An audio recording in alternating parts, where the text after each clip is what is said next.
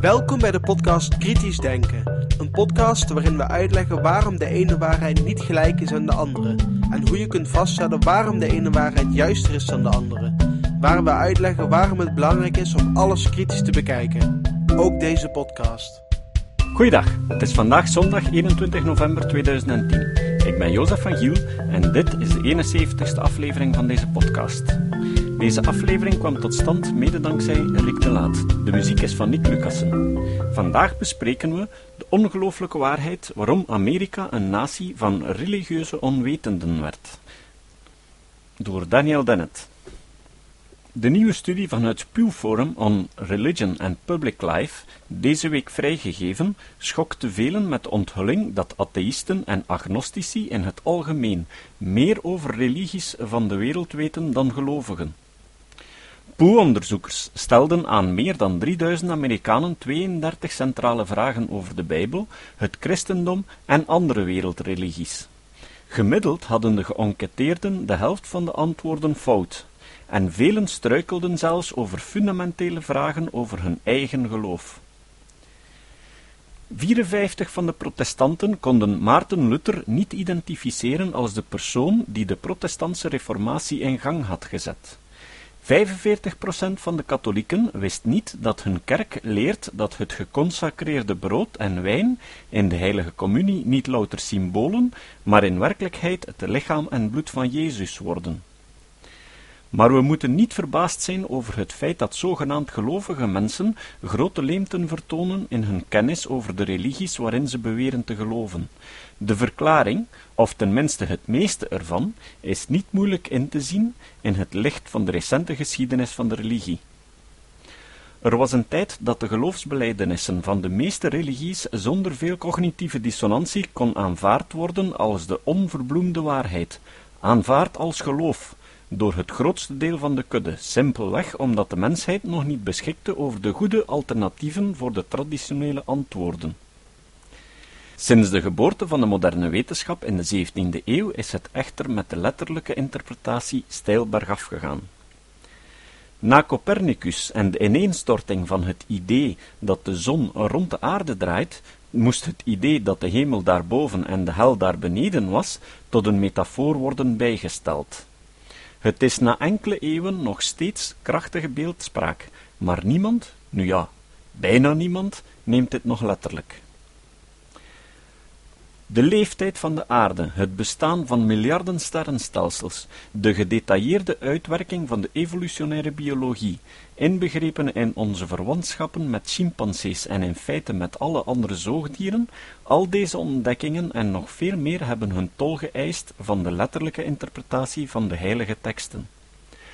De studie over de geschiedenis van deze teksten heeft het ook meer en meer duidelijk gemaakt dat ze onvolmaakt zijn, menselijke artefacten met een lange geschiedenis van herziening en aanpassingen zijn, en niet een eeuwig en onveranderlijk geschenk van God. Wat staat een godsdienst dan nog te doen? Er zijn twee belangrijke tactieken. Plan A Stel de lange, gestage terugtrekking in metaforen en mysterie voor als een proces van toenemende wijsheid, en probeer je leden op te voeden tot de nieuwe geavanceerde inzichten. Plan B. Hul alle leerlingen in een handig waas en geef de gelovigen niet alleen excuses om daar niet te diep in door te dringen, maar zie het beleid van iemands credo, ook niet je eigen, niet te grondig te onderzoeken als een verworvenheid. Plan B is de keuze van de meeste religies en denominaties en het resultaat is, niet verrassend, dat de meeste mensen, die zich tot een religie bekennen, geen gedegen kennis of zelfs een mening hebben over de fitness van enige religie, inclusief die van henzelf. Hoe dan het schijnbaar tegenstrijdige feit te verklaren dat, volgens Poe, de ondervraagde atheïsten het meest scoorden over religie? Atheïsten vind je blijkbaar overal bij die nieuwsgierige en waarheidslievende lieden, die religieuze beweringen wat nauwkeuriger onder de loep leggen, en dus goed weten wat ze achter zich hebben gelaten.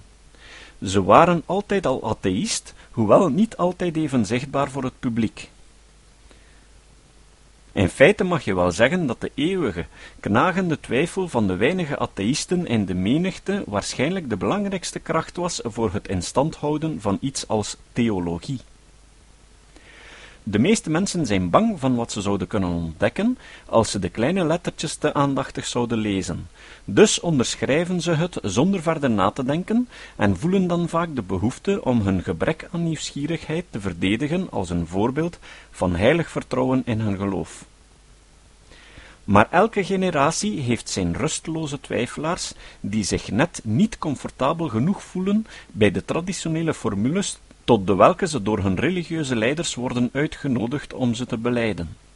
Ze zoeken met grote intelligentie en vernuft naar alternatieve formuleringen die ze met een gerust geweten kunnen aanvaarden.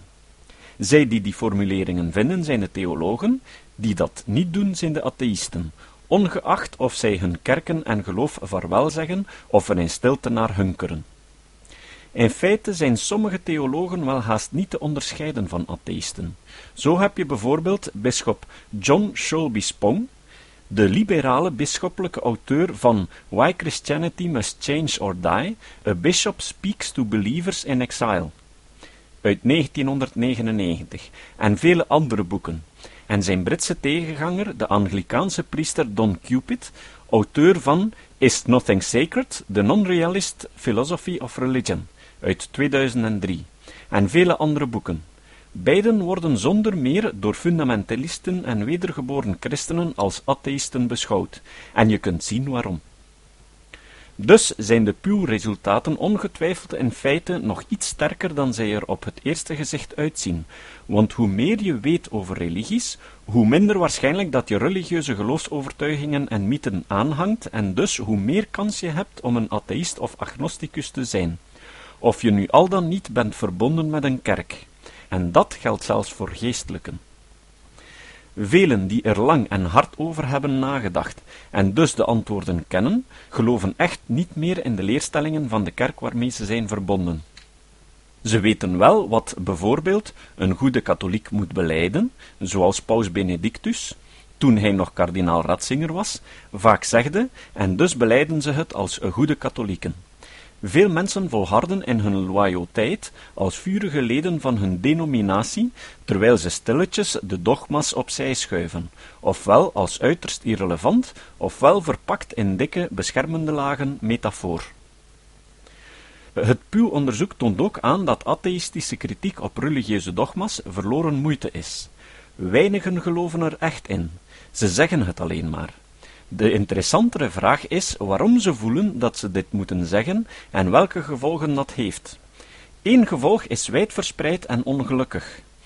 Er zijn steeds meer priesters die niet langer geloven in de geloofspunten die ze beroepshalve dienen te onderwijzen, maar gaan om verschillende redenen, sommige goed, andere minder goed, door met het uitvoeren van hun taken. Ze zitten gevangen in wat je een web van gewilde miscommunicatie zou kunnen noemen, en dat legt een zware tol op hun geweten. Mijn collega Linda Lascola en ik houden ons voor het ogenblik bezig met dat fenomeen en tijdens onze eerste pilootstudie over verborgen ongelovigen of andersgelovige clericus hoorden we vaak twee grappen over hun ervaring in het seminarie tijdens hun opleiding. Als je na je seminarieopleiding nog in God gelooft, heb je niet goed opgelet. En het seminarie is de plaats waar God doodgaat. We zoeken nog altijd naar geestelijken die ons op vrijwillige basis en strikt vertrouwelijk willen vertellen hoe ze met hun geloofsafval omgaan. Daniel Dennett, a philosopher and cognitive scientist at Tufts University is auteur van onder andere Darwin's Dangerous ID en Breaking the Spell: Religion as a Natural Phenomenon. Het citaat. Het citaat van vandaag is van Arthur C. Clarke. Arthur C. Clarke was een grote Britse science fiction schrijver. Onder zijn boeken behoort A Space Odyssey, gebaseerd op de film van Stanley Kubrick. Arthur C. Clarke zei: Elke voldoende geavanceerde technologie is niet te onderscheiden van magie. Tot de volgende keer. Dit was de podcast Kritisch Denken. Vergeet niet om alles kritisch te behandelen, ook deze podcast. Voor verdere informatie over deze podcast, links en voor de tekst, surf naar www.kritischdenken.info. Als je deze podcast belangrijk vindt, kun je me steunen door anderen warm te maken ook eens te luisteren. Stuur een e-mail naar vrienden met een link naar de website en plaats de link in de handtekening van je e-mails. Tevens kun je op iTunes deze podcast een beoordeling geven of een recensie schrijven. Of je kan op je eigen website of blog een link naar kritisch denken plaatsen.